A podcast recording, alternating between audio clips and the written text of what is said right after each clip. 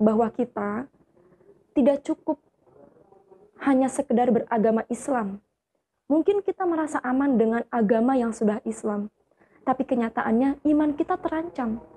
Ini dibuktikan dari warisan yang ditinggalkan oleh Nabi Muhammad, yakni hadis. Banyak hadis yang bunyinya seperti ini. Layu minu ahadukum, layu minu ahadukum.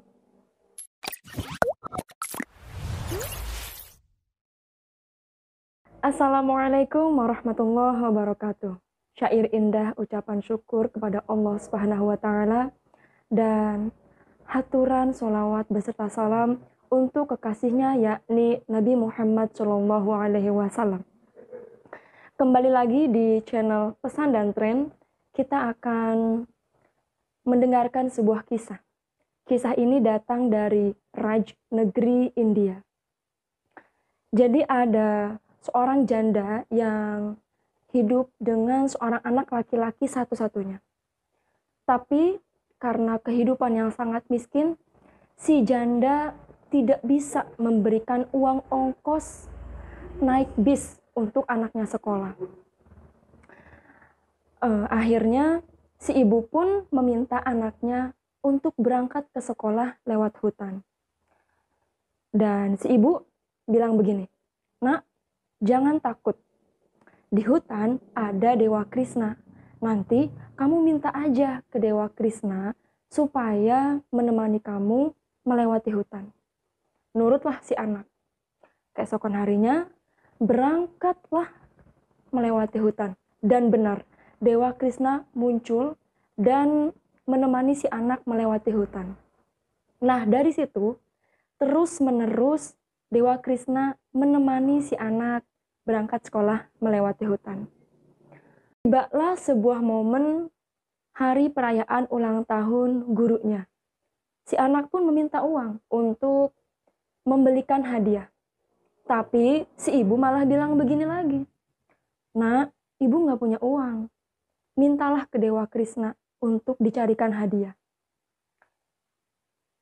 Dan kesekian kalinya si anak nurut. Dia pergi ke hutan dan menemui Krishna. Dia mengutarakan apa yang ia butuhkan, dan dengan senang hati Dewa Krishna mengabulkan dengan memberikan sebuah guci yang berisi air susu. Berangkatlah si anak ke rumah si guru. Datang di sana, si anak melihat banyak hadiah yang jauh lebih mewah daripada guci yang dia bawa. Dan hal itu disadari oleh gurunya. Sehingga si guru meminta pembantunya untuk membawa hadiah guci tersebut langsung disimpan di dapur. Hari berlalu, si pembantu dibuat takjub oleh keajaiban guci tersebut. Kenapa? Guci yang isinya air itu tidak pernah habis meskipun sudah berkali-kali digunakan. Akhirnya pembantu lapor ke si guru. Si guru pun ikut merasa takjub. Akhirnya karena penasaran yang tinggi dipanggillah si anak. Si guru bilang begini, Nak, dapat dari mana kamu guci ajaib ini? Kenapa isinya tidak pernah mau habis?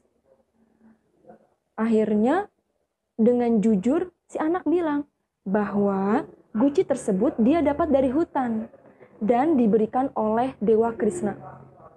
Otomatis si guru dan murid-murid lainnya bahkan si pembantu tertawa terbahak-bahak mendengar jawaban konyol dari si anak miskin.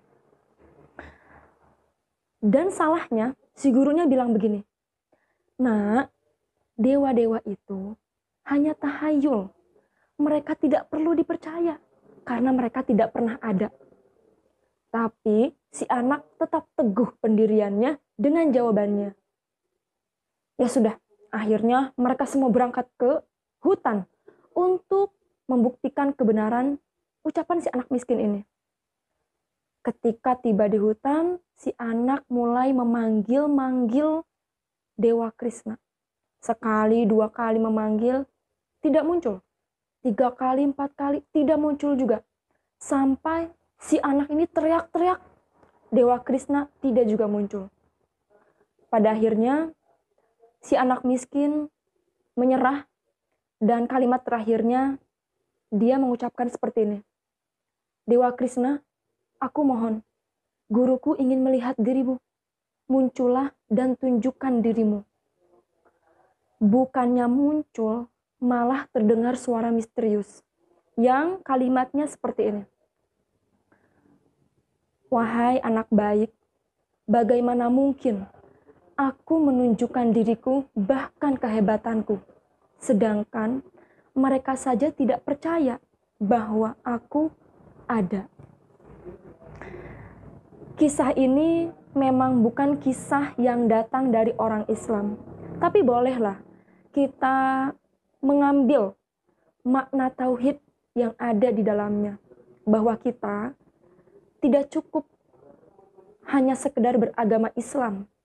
Mungkin kita merasa aman dengan agama yang sudah Islam, tapi kenyataannya iman kita terancam. Ini dibuktikan dari warisan yang ditinggalkan oleh Nabi Muhammad, yakni hadis. Banyak hadis yang bunyinya seperti ini. Layu minu ahadukum, layu minu ahadukum yang yang pada intinya Nabi Muhammad dalam hadisnya mengatakan bahwa tidaklah beriman seseorang yang tidak mencintai orang lain melebihi mencintai dirinya. Tidaklah tidaklah beriman seseorang yang membiarkan tetangganya kelaparan. Tidaklah beriman seseorang yang lebih mencintai keluarganya daripada mencintai Nabi Muhammad dan masih banyak lagi. Hadis ini membuktikan bahwa kita, iman kita terancam. Dan satu momen yang membuat iman kita sangat terancam adalah ketika kita dihadapkan oleh takdir buruk. Padahal kita tahu bahwa kita hidup pasti banyak cobaan. Dan kita juga sudah hafal bahwa hidup ini sudah diatur oleh Allah. Tapi kenyataannya, ketika cobaan datang, ketika takdir buruk datang, kita malah fokus ke manusianya dengan cara menyalahkan orangnya, mengungkit kesalahannya, bahkan bertanya-tanya, "Kenapa saya mendapatkan ujian seperti ini? Kenapa ini berat sekali?" Padahal Rasulullah dan para nabi lainnya sudah memberikan contoh kepada kita bahwa ketika mereka diuji, mereka fokus ke Allah, bukan ke manusia. Dengan cara apa? Meminta pertolongan kepada Allah agar dikuatkan iman, agar diberikan petunjuk, agar uh, mendapatkan jalan yang tepat ketika menghadapi masalah. Bukan fokus ke manusianya, bukan fokus ke sakit hatinya, atau fokus ke kejahatan dan harus dibalas dengan kejahatan lagi. Nah, perlu diingat bahwa Dewa Krishna dalam kisah ini mengatakan Bagaimana mungkin aku menunjukkan diriku bahkan kehebatanku jika mereka tidak mempercayai bahwa aku ada. Jangan sampai umat Islam tidak mempercayai kehebatan Allah. Karena ketika kita sudah mencintai Allah, sudah fokus ke Allah, kita akan masuk ke golongan waladina amanu asyaddu hubbalillah. Yakni orang yang beriman itu akan bertambah akan amat sangat mencintai Tuhannya daripada orang yang tipis imannya.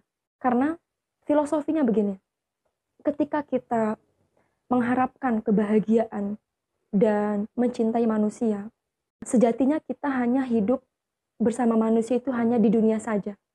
Berbeda dengan Allah. Ketika kita belum dilahirkan, setelah dilahirkan, kemudian mati, terus dibangkitkan lagi, bahkan nanti kita hidup di surga, kita milik Allah. Oke, sahabat pesan dan tren. Dari sekarang, di akhir zaman ini, yang lagi viral-viralnya perceraian karena perselingkuhan, kuatkan iman kita. Karena memang benar, iman kita sangat terancam. Baiklah, saya akhiri kisah kali ini. Tetap mengikuti channel pesan dan tren karena isinya mantul-mantul. Terima kasih. Assalamualaikum warahmatullahi wabarakatuh.